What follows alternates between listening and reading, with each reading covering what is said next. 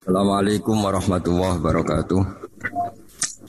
Nahmaduka ya ghafuru ya syakuru wa salli wa sallim wa barik ala sayyidina wa lana Muhammadin wa ala alihi wa sahbihi asma'in nama ba'du.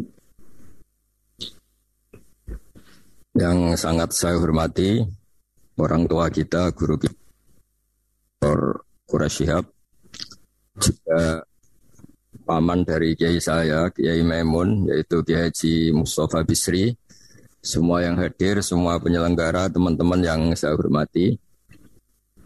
Uh, sebetulnya saya datang mulai awal, mulai Mbah Mus ngendikan, mulai beliau memaparkan pesan-pesannya juga mengikuti terus ketika Bapak Quraisyihab atau Abi Quraisyihab memaparkan pesan-pesannya. Uh, tsunami fatwa di medsos sebetulnya kita-kita yang di masyarakat atau di kampung itu tidak pernah mengalami tsunami karena cara berpikir masyarakat kebanyakan kalau orang tertentu tidak punya kredibilitas yang ditekuni itu ya sudah tidak diikuti. Ibarat kita mau berobat ya tidak ke polisi gitu. kalau kita ke kemalingan ya tidak ke dokter. Jadi sebetulnya masyarakat itu sudah profesional kalau sengketa hukum ya kita ke pengadilan. Ya. Lalu masalahnya masyarakat sendiri yang terjebak ya atau bahasa kasarnya tertipu ya oleh fatwa-fatwa yang dari orang yang tidak kredibel itu mereka itu rata-rata memang nggak ngaji. Misalnya masyarakat kebanyakan ngaji kiai ya, ngaji Fathul Qorib atau ngaji Sulam Taufik mereka akan ngerti eh, kaidah-kaidah fikih atau kaidah-kaidah sah tidak sah, batal tidak batal. Saya beri contoh misalnya begini. Bapak saya itu kalau tindak, kalau pergi itu ya sering marung ya. Marung, kadang-kadang penjualnya itu juga ada pakai jilbab, kadang suasananya juga enggak enggak begitu syariah ya. Tapi kata bapak saya, ketika seseorang menjual gedang goreng, pisang goreng, menjual makanan, menjual minuman, itu artinya mereka ingin dagang. Dan dagang itu halal ya. Dan itu artinya ingin ikut sunnah Rasul bahwa transaksi itu baik dan mencari halal itu ibadah. Jadi kalau kita bisa ingat-ingat sisi baiknya, kenapa kita ingat-ingat sisi kurang baiknya? Itu juga bagian dari kearifan yang menjadikan kita ini bijak menghadapi apa saja itu lihat sisi baiknya sebagaimana adab atau akhlak Rasulullah Shallallahu Alaihi Wasallam. Pernah juga ada orang yang meninggal karena minum oplosan. Ya meninggal betul karena oplosan. Terus banyak kiai, sebagian tanya saya, Gus ada hadir gak di jenazahnya? Saya bilang kamu hadir saja, tapi dia matinya karena minum oplosan Gus.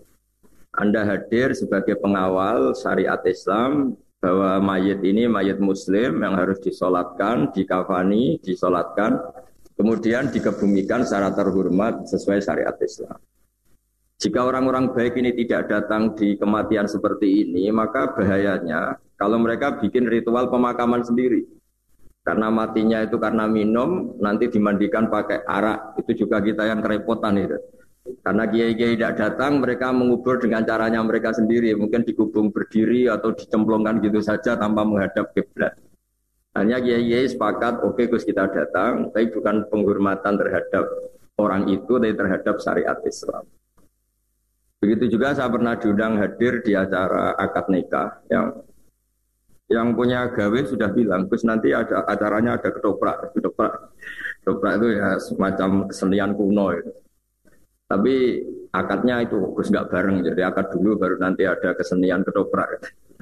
Jadi kan nggak perlu ikut nonton katanya. Terus saya bilang, ya oke saya datang di akadnya karena saya kiai ya tidak akan melihat ketopraknya kata saya. Tapi yang penting bahwa masyarakat ini masih baik. Dia ingin akad nikah anaknya itu nikah yang berkah, nikah yang sah, sehingga inginnya disaksikan kiai, diberkahi doa kiai. Dan mereka ada ideal, ya itu juga orang yang dagang tadi, mereka ada ideal ya, tapi ada kebaikan-kebaikan yang mereka lakukan. Dan itu yang kita ingat-ingat, karena kebaikan itu yang kita ingat-ingat. Nah, untuk e, mengarah ke moderasi Islam, kita misalnya bisa baca kitab di Al-Minanul Kubro, karangan Imam Syaroni, dan itu kitab panduan para wali. Hampir semua wali yang jalur ilmu pasti baca kitab itu Al-Minanul Kubro. Tadi Bapak Gores menyinggung tiga pewaris Nabi, di antaranya Familhum Dolimul Nafsi. Di situ orang dolim masih diapresiasi sama Allah Ta'ala. Yaitu kata Imam Saroni, tidak ada orang Muslim yang paling fasik sekalipun kecuali dia juga melakukan hukum Islam walau di masalah wahidah meskipun dalam masalah yang satu. Misalnya banyak orang Islam yang mungkin sekarang belum sholat, mungkin sekarang belum puasa. Tapi yang dinikahin itu tidak keponakannya, tidak ibunya, tidak mbahnya. Sehingga mereka nikah dengan wanita yang halal dinikah. Kalau dalam fikih disebut wanita ajnabiyah. Wanita yang benar-benar sah dinikah karena tidak ada hubungan mahram, tidak ada hubungan rodok, tidak ada hubungan yang menjadikan haram. Sehingga mereka masih punya poin bahwa mereka nakahu binikahin sohih. Mereka menikah dengan nikah yang sah. Artinya apa? Orang yang kita kira fasek permanen atau fasek statusnya, ternyata ada hukum Islam yang mereka lakukan, yaitu mereka nikah dengan perempuan yang sah dinikah. Dan ketika nikah juga sah karena dinikahkan walinya atau KUA atau dengan persyarat-persyarat yang menjadikan sah. Jika kata dolim yang disematkan pada pewaris-pewaris kitab suci itu seperti yang dikatakan Profesor Kures tadi, tidak seperti yang kita bayangkan. Banyak juga misalnya ada cerita tasdek tentang tasdek, tentang membenarkan Nabi. Dulu itu ada orang sering minum. Bawaannya orang seneng Nabi itu meskipun dia mabuk sukanya itu deket-deket Nabi. Sehingga kalau mabuk ya deket-deket masjid. Setelah sering kali ditangkap oleh sahabat sama Nabi ya sebagai ajaran sebagai sanksi mereka dipukulin sama jari dunahli ada yang disebutkan binial ya dipukulin pakai sandal ya semoga sandal jepit bukan sandal kulit pokoknya walhasil itu saking seringnya melanggar di depan Nabi kata para sahabat kamu itu malun, kamu kena laknat. Tapi apa kata Rasulullah? Tal anuhu, kamu jangan melaknati dia. Fa innahu yuhibbu wa rasulah. Meskipun dia sering salah, tapi masih, masih mencintai Allah dan Rasul. Hanya orang-orang sefasek ini pun kalau disuruh pindah agama juga gak mau. Disuruh ngidolakan selain Rasulullah juga gak mau. Disuruh jauh-jauh dari masjid ya gak mau.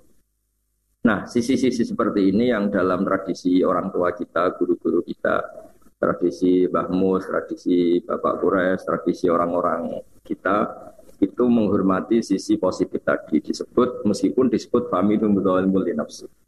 Maka kata Imam Syaroni tidak ada orang muslim apa pun faseknya kecuali dia minal amili ulmihim. Dia termasuk yang mengamalkan ilmunya yaitu disebut walau bimas alatin wahidah meskipun dalam satu masalah. Dalam satu masalah misalnya tadi ada orang Islam yang tidak sholat dia kalau ditanya, tidak sholat itu baik apa tidak? Ya dia jawab nggak baik. Kalau ketemu orang yang sholat ya hormat. Artinya dia nganggap institusi kesalian itu sholat. Dan dia salah karena tidak sholat.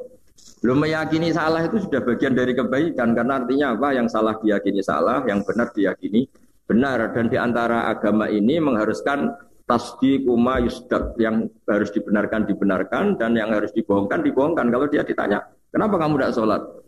ya belum dapat hidayah tapi saya hormat sama yang sholat paling tidak dia tasdiku ijabi sholat dia membenarkan kalau sholat itu wajib dan bahaya betul kalau dia meyakini kalau sholat itu tidak wajib itu yang ranah yang yang ekstrim yang dianggap salah betul nah begitu seterusnya begitu seterusnya jadi kalau kita punya kearifan membaca kearifan dengan fakir-fakir dasar insya Allah gelombang fatwa yang atau tsunami tadi tidak punya akibat apa-apa. Kalau di daerah kami di Rembang misalnya orang ngaji keluarga besar Mbah Maimun, ngaji keluarga besar Ki Mustafa, ngaji keluarga besar Ki Lasem. Orang nyaman saja dengan kiai-kiai. Dan mereka kalau baca medsos itu kayak hiburan. Malah kalau bapak saya dulu kalau dengerin orang-orang ceramah yang tidak berkompeten, tidak ahli, kata bapak itu, kok tambah goblok kata kata Kalau dengar ini kok tambah goblok kata Karena beliau hafal Quran dan beliau banyak baca sehingga ya ya dianggap hiburan saja. Uh, berikutnya saya beri beberapa contoh. Ini saya bawa beberapa. Supaya fatwa yang berseliweran itu kalau misalnya kita mengkaji peristiwa-peristiwa penting misalnya ini yang diceritakan Imam Syafi'i Karena fikih itu yang saya tekuni juga yang saya pelajari terus menerus. Saya sedikit cerita begini misalnya. Pengkaji Quran kan ini untuk para ustadz, untuk para kiai. Pengkaji Quran pertama di era sahabat itu pasti bingung karena bingungnya itu ada sekian ayat yang dalam objek yang sama. Misalnya orang yang ditinggal mati suaminya itu idahnya 4 bulan 10 hari. Oke itu satu ayat yang ketentuan umum yang ditinggal suaminya pokoknya idahnya 4 bulan 10 hari. Kemudian yang ditalak itu idahnya tiga kali masa suci. Terus kemudian ada keterangan kaidah umum lagi wa ulatul ahmali ajaluhunna ayyatu'ana hamlahunna bagi yang sedang hamil itu idahnya masa idahnya selesai kalau sudah melahirkan. Oke itu semuanya kaidah umum. Suatu saat ada sahabat perempuan, sahabiah, namanya Subeah al-Aslamiyah. Itu suaminya meninggal dan baru 16 hari, kila baru 16 hari atau berapa hari gitu, hanya beberapa hitungan hari. Itu melahirkan. Baru 16 hari. Nah, ya taruh saja kita ngikuti riwayat yang 16 hari misalnya. Yang jelas semuanya sepakat tidak sampai 20 hari. Lalu sahabat-sahabat berdebat, idahnya itu abadal ajalain. Ya kita ngambil idah terlama, yaitu nunggu 4 bulan 10 hari. Tapi banyak sahabat yang bilang ini kategorinya wa ulatul ahmal ajaluhunna ayatuna hamlahun karena dia sudah melahirkan ya sudah idahnya selesai. Nah jadi kalau kebimbangan seorang kiai atau mustahid itu pasti nggak bisa dihindari bahkan itu zaman sahabat. Untungnya tentu zaman itu masih ada Rasulullah Shallallahu Alaihi Wasallam yang memutuskan bahwa yang jenis seperti ini ikutnya partai, ikutnya kelompok, ya karena dia hamil sudah melahirkan ya selesai idahnya. Tapi begitulah kira-kira di ayat-ayat umum. Di ayat-ayat umum ini kita-kita ini pasti terjebak. Ada orang yang punya semangat Al-Furqan. Yang penting antara hak dan batil itu jelas. Demarkasinya jelas, pemisahnya jelas. Misalnya ngambil sikap terlalu tegas. Ada yang bacanya bil hikmah terus, layinul janib terus, sehingga ngambil sikap lunak selunak-lunaknya. Sampai ngerti barang-barang yang nggak benar juga lunak. Gitu. Nah hal-hal seperti ini kemudian terus banyak yang mempermudah istilah disebut wasatiyah karena antara yang terlalu ekstrim dan terlalu lunak. Ya apa pun istilah-istilah itu sebagaimana dikatakan Pak Kures bahwa wasatiyah atau ausat itu memang maknanya itu yang terbaik. Seperti tadi di surat Qala usatuhum ala lakum laulatu sabihun. Dan kalau kita baca manaqibu Rasulillah atau fatuhu Rasulillah, nasab Nabi juga disebut ausatul arabi nasaban. Jadi Nabi itu nasab terbaik itu juga redaksinya ausatul arabi nasaban. Kemudian berikutnya saya bawa juga kitab Sahih Muslim. Di sini dijelaskan pentingnya baca. Seorang lagi punya baca. Dulu orang pinter itu ya di mana-mana orang pinter itu ya punya sisi agak-agak kontroversi. Tapi kontroversinya orang pinter itu ya ya karena saking pinternya. Ada orang soleh, saya ulang lagi, ada orang soleh. Itu kalau punya uang, itu inginnya ya sodako saja. Ternyata yang dia sodakoi, yang beliau sodakoi itu Zania. Ya, Zania itu ya orang nggak bener lah kira-kira gitu Zania orangnya. Kemudian jadi gunjingan, bahu ya tahaddasun. Kemudian jadi rame kan, ini orang soleh kok sedekahnya sama orang pezina. Kemudian gosip itu belum selesai, gunjingan itu belum selesai, dia sudah kau lagi yang dikasih itu sarik, pencuri. Jadi gunjingan lagi ini orang soleh nggak kau sama ustadz atau ke fakir miskin malah kesarik karena pencuri, geger lagi. Geger belum reda, dia sudah kau lagi dikasihkan orang kaya. Geger lagi ini tidak ngasih orang fakir malah ngasih orang kaya. Tapi apa ya reaksi Allah Taala? Allah itu memberitahu si orang soleh tadi Amma sodakotuka fakot kubilat. Ada yang baca fakot kobil tuh ya. Kalau uh, kamu sudah saya terima atau fakot kubilat sodako kamu sudah diterima. Terus kemudian orang soleh tadi ketika memberi penjelasan sama khalayak ramai kata beliau e, zania orang sampai jadi zania jadi apa menjual diri itu karena butuh uang. Kalau dia tidak soleh mungkin ngasih uang pezina ini ya karena order mungkin pesen jasanya. Tapi karena dia orang soleh Sekamane cara Jawa itu nduk kowe zina mu do golek duit. Saya kita kayak duit tapi ora usah zina. Kamu zina itu karena nyari uang. Kamu sekarang tak kasih uang tapi tidak usah zina. Maling juga gitu, copet sampai nyopet karena nyari uang. Sudahlah kamu tak kasih uang. Dan itu harusnya kamu cukup dan tidak perlu nyopet lagi. Kemudian saya ngasih orang kaya supaya dia belajar bahwa orang itu tidak hanya mendapat tapi juga uh, menjadikan orang fakir itu menerima. Dia roh rasanya menerima ternyata asik, menerima uang ternyata asik.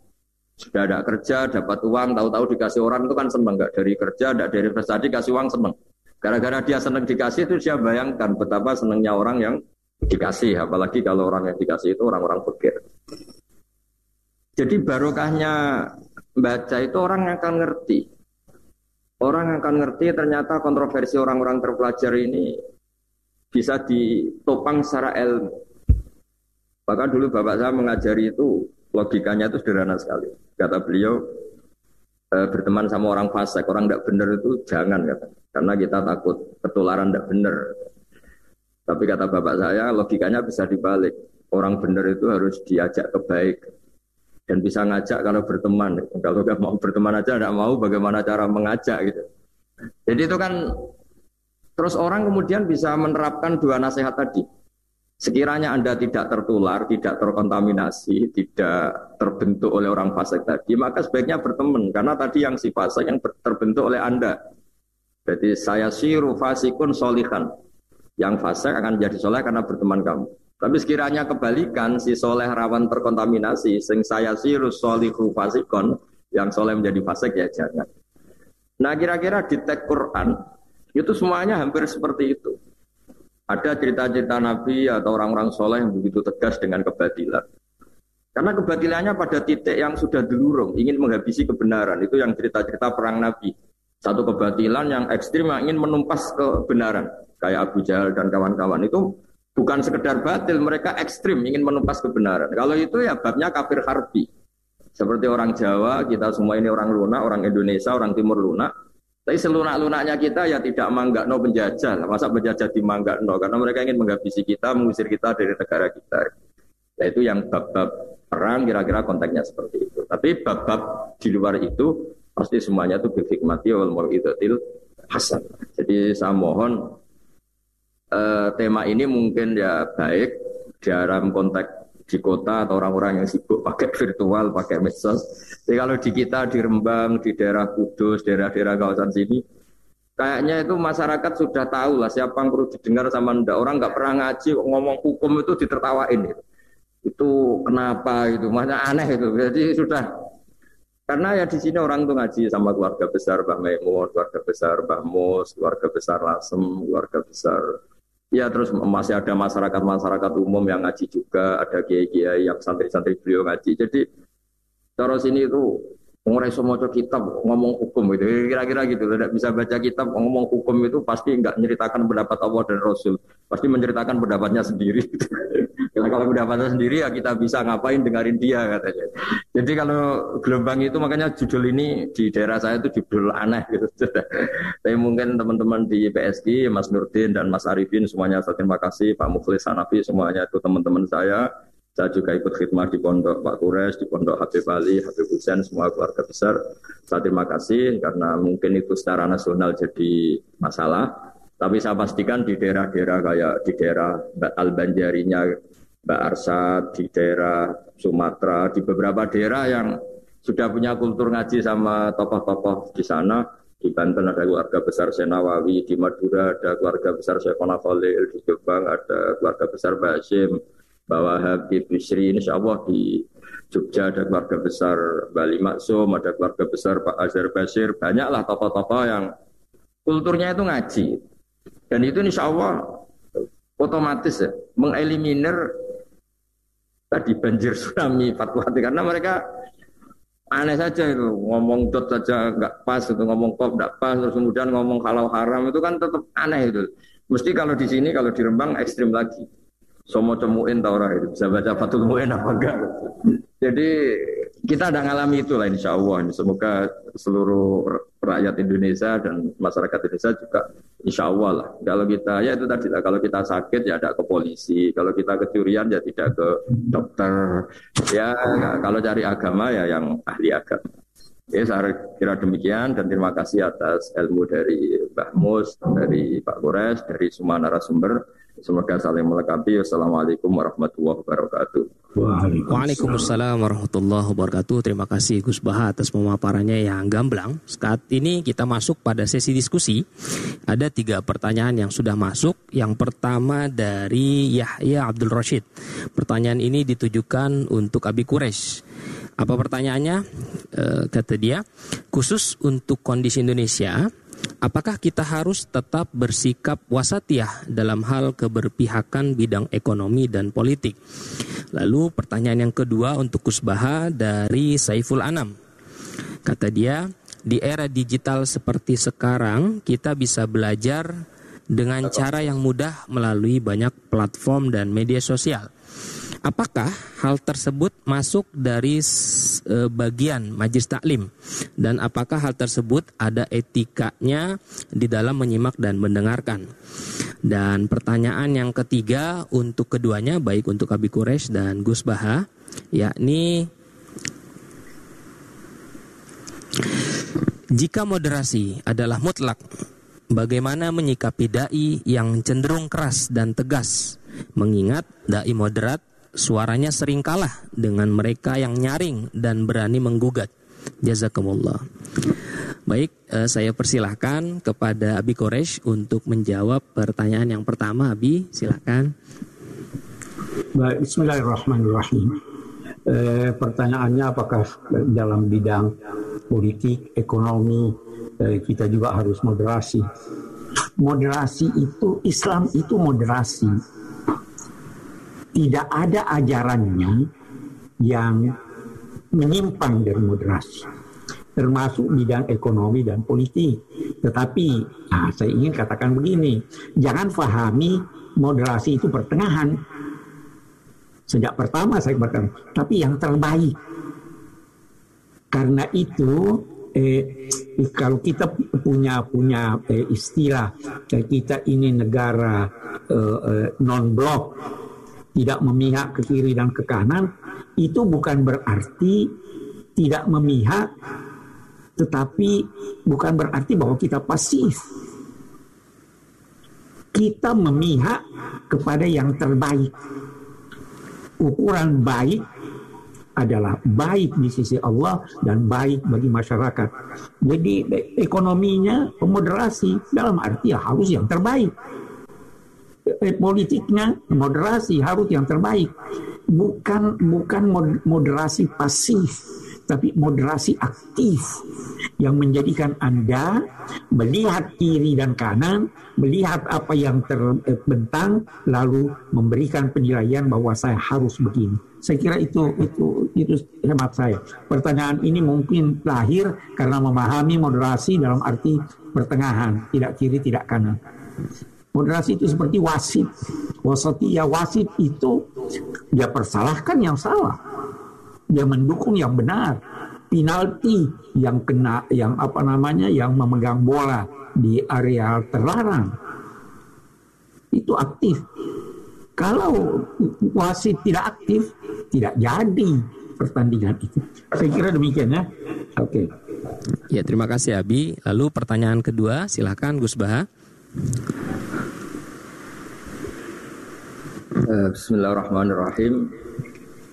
Uh, sebelum saya menjawab, saya apresiasi, saya terima kasih sama kiai-kiai yang di daerah, yang di kampung-kampung, yang bikin atau menjelaskan mabadi fikih, pokok-pokok fikih.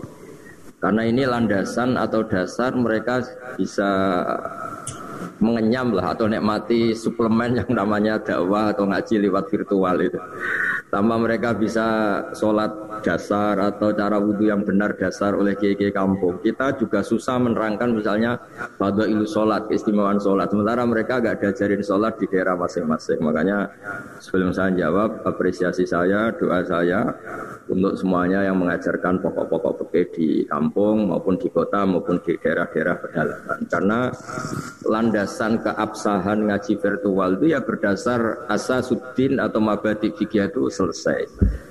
Misalnya di kota-kota ada misalnya gerakan Islam sholat khusyuk, gerakan misalnya sunnah rasul, gerakan sedekah, gerakan haji atau umroh. Semuanya itu karena selesai di kampung-kampung mereka diajarkan Orang itu boleh sedekah setelah urusan primer keluarga selesai. Orang boleh haji kalau yang kebutuhan pokok selesai. Orang boleh apa setelah aturannya ini. Nah, kemudian kita tinggal nimpalin misalnya sholat khusyuk. Apa artinya khusyuk ingat Allah kemudian sholatnya membawa najis atau sholatnya syarat dan rukunnya tidak terpenuhi. Itu nggak ada gunanya semua. Ingat Allah di semua sholatnya. Sementara dia tidak baca fatihah hanya baca Allah Allah saja. Itu kan ya jadi kacau misalnya. Sholat yang penting ingat Allah. Setelah takbir dia Allah Allah fatihah enggak. Baca yang wajib-wajib enggak. Nah semua itu nombang liwat. Makanya guru-guru talaki kalau di bahasa keluarga Quran, keluarga kami disebut musyafah. Musyafah itu guru sebenarnya yang bertatap muka, yang interaksi terus menerus itu guru sebenarnya. Tapi kemudian di era digital orang terus bagian belajar dari medsos itu sifatnya itu ya tambahan. Saya mohon itu sifatnya tambahan. Cuma ya jangan dilarang kalau itu baik karena ada kaidah malayu drokukuluh layu drokukuluh. Kalau udah bisa ideal ya jangan sama sekali. Misalnya saya sendiri juga sering belajar dari ulama-ulama mana saja termasuk tentu dari Pak Kures, dari Gusmus, mungkin dari mana-mana lah. Itu kan juga sebagian lewat medsos atau lewat televisi. Saya kemarin dengerin Pak Kures pas di Metro TV tentang kuliah yuhal kafirun. Dan setelah saya cek memang di tafsir ar-razi seperti itu. Nabi saking halusnya Coro Jawa itu nggak tego bilang kuliah yuhal kafirun. Sehingga beliau ngendikan gitu setelah diperintahkan Allah.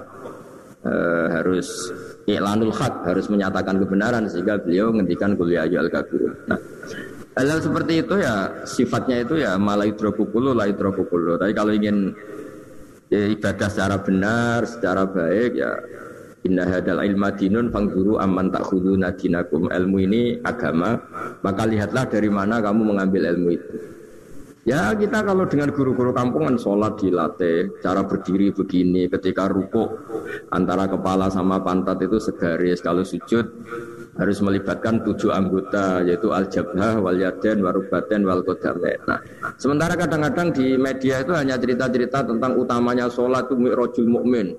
Merotnya orang mukmin ya sholat itu karena di situ dia munajat sama Allah, di situ dia bercengkrama dengan Allah. Oke lah itu kebaikan, tapi setelah yang pokok-pokok ini selesai.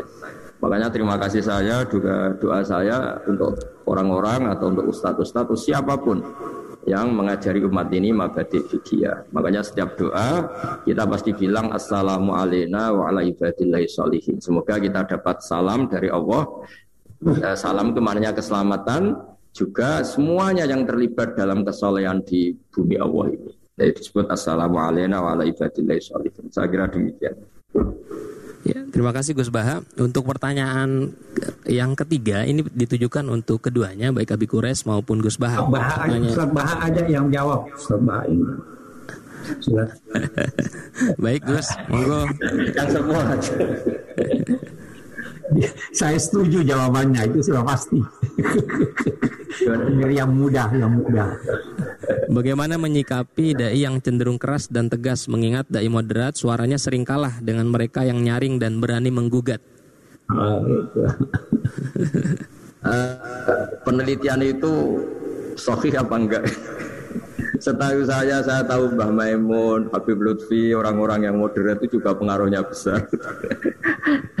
orang-orang yang asik cara berdakwah juga pengaruhnya besar. Jadi apa ya kesimpulan itu juga ada ya tidak harus dibenarkan meskipun tidak harus disalahkan kok terus bilang kalah menang kalaupun kalah ya mungkin sekarang kalah nanti menang yang jelas setahu saya kiai-kiai moderat itu juga luar biasa pengaruhnya dan ikut membentuk Indonesia Ya kan kita bisa lihat misalnya acara-acara Toreko, Naksabadiyah, atau Qadiriyah, atau pengajian-pengajian kiai-kiai moderat itu juga besar itu. Dan mereka kalau Ramadan atau kalau Lebaran juga yang sowan banyak. Artinya ya melihat itu kan ya ada kalah juga gitu loh. Kok tahu-tahu disimpulkan kalah nyaring. Ya kalau yang lantang sama yang tenang ya ya nyaring yang lantang gitu. ya ukurannya jangan gitu ya. Ya ukurannya tadi lah. Yang kita akan dilatih ikhlas itu tidak perlu punya akibat menang kalah lah. Ya. Kalau dakwah ya ikhlas aja, tidak usah pikir menang kalah. Gitu. Ya udah, pokoknya kalau kebaikan kita utarakan, nyari ridhonya Allah dan Rasul dan memang umat ini berhak dapat ilmu ilmu ya balihu ani walau ayat. Jadi kita menyampaikan ilmu itu saya itu kalau ngaji senengnya bukan main karena itu cara saya menggugurkan dosa. karena kalau betul saya orang alim menyampaikan ilmu itu wajib gitu. Nah kalau betul saya orang bodoh, saya ngajinya pakai ikhya, pakai kitab kan tinggal baca. Jadi kayaknya kemungkinan salah itu ya kecil. Ya buat variasi aja namanya manusia ya salah gitu. Tapi kalau ada referensinya kan ya sudah tinggal baca terus ya bantu lah. Tapi kita tidak pernah merasa berjasa karena Ilaladina tabu wa aslahu wa bayanu. Ketika kita menjelaskan ke umat ketentuan-ketentuan Allah dan Rasul itu bagian dari kafaratul dzunub bagian dari kafarah kesalahan kita. Sehingga disebut wa innal alim la astaghfiru lahu man fis samawati wa man fil ardi hatta khitan fil bahr. Sebagian riwayat wa inna mu'alliman nasi al khaira la astaghfiru lahu man fis samawati wa jadi kalau saya ngaji, Bapak Kures ngaji, semua ngaji Mbah Mus, selain dapat pahala itu dijamin diistighfari oleh manfis samawati wa Kalau manfis samawati itu istrinya malaikat Jibril, Mikael itu kan pasti makbul tuh, keren itu pasti itu orang-orang top gitu. Ya karena tadi ya udah ada usah mikir ngaji kok mikir menang apa kalah? Suara kita didengar apa enggak? Ya anda ngalatih kita ada ikhlas itu. Sudah kalau ya bisa ditambahkan oleh Abi Dures supaya lebih jelas. Ya saya kira demikian. Ya mohon Abi untuk tambahan sedikit dan sekaligus minta kesimpulan closing statement. Iya, saya kira sebenarnya tidak perlu ditambahkan kalau sudah manis kemanisan itu orang yang sakit gula tidak boleh manis-manis terlalu banyak. Sudah sudah benar itu intinya bahwa jangan menganggap suara keras itu pasti menang. Boleh jadi yang lemah lembut itu eh, lembut masuk di hati belum nampak sekarang. ya jadi cara menilainya itu keliru. Pada akhirnya kebenaran itulah yang menang ya kan? Nah, jadi tidak usah eh, mengharap bahwa hasilnya sekarang dan di sini hasilnya pasti ada. Ya, itu pernah eh, antara lain eh, batil dan hak itu eh, bertengkar. Batil berkata saya eh, lebih tinggi kepala saya. Hak berkata kaki saya lebih kuat karena terhujam ke bawah. Saya ditopang oleh orang kuat, orang kaya. Hak berjawab, saya ditopang oleh orang baik dan oleh Tuhan. Jadi jangan jangan ini jangan jangan menganggap bahwa kalau sudah suara besar ini ini sudah pasti menang tidak ya toh kita laksanakan tugas kita insya Allah Tuhan bersama kita kalau bukan sekarang besok. Kalau bukan besok lusa, pada akhirnya ja al haq wa zahaqal batil innal batil akan zahuq. Oke, saya kira itu. Terima kasih Abi. Closing statement Gus Bah, mohon untuk terakhir ini. Nah, sudah sudah cukup. Baik. Uh, Assalamualaikum Baik uh, Asatid wal Ustazah yang telah mengirimkan pertanyaan Mohon maaf tidak bisa kami bacakan dan dijawab semuanya. Insya Allah kita akan lanjutkan pertemuan di tahun mendatang Annual Meeting of Islamic Dawa Saya akan tutup pertemuan yang sangat berharga ini. Terima kasih kepada seluruh narasumber Baik Abi Quraisy maupun Gus Bah yang telah menyajikan ilmuwan dan kearifan Yang menjadi bekal kita semua sebagai seorang da'i dan pendakwah di era digital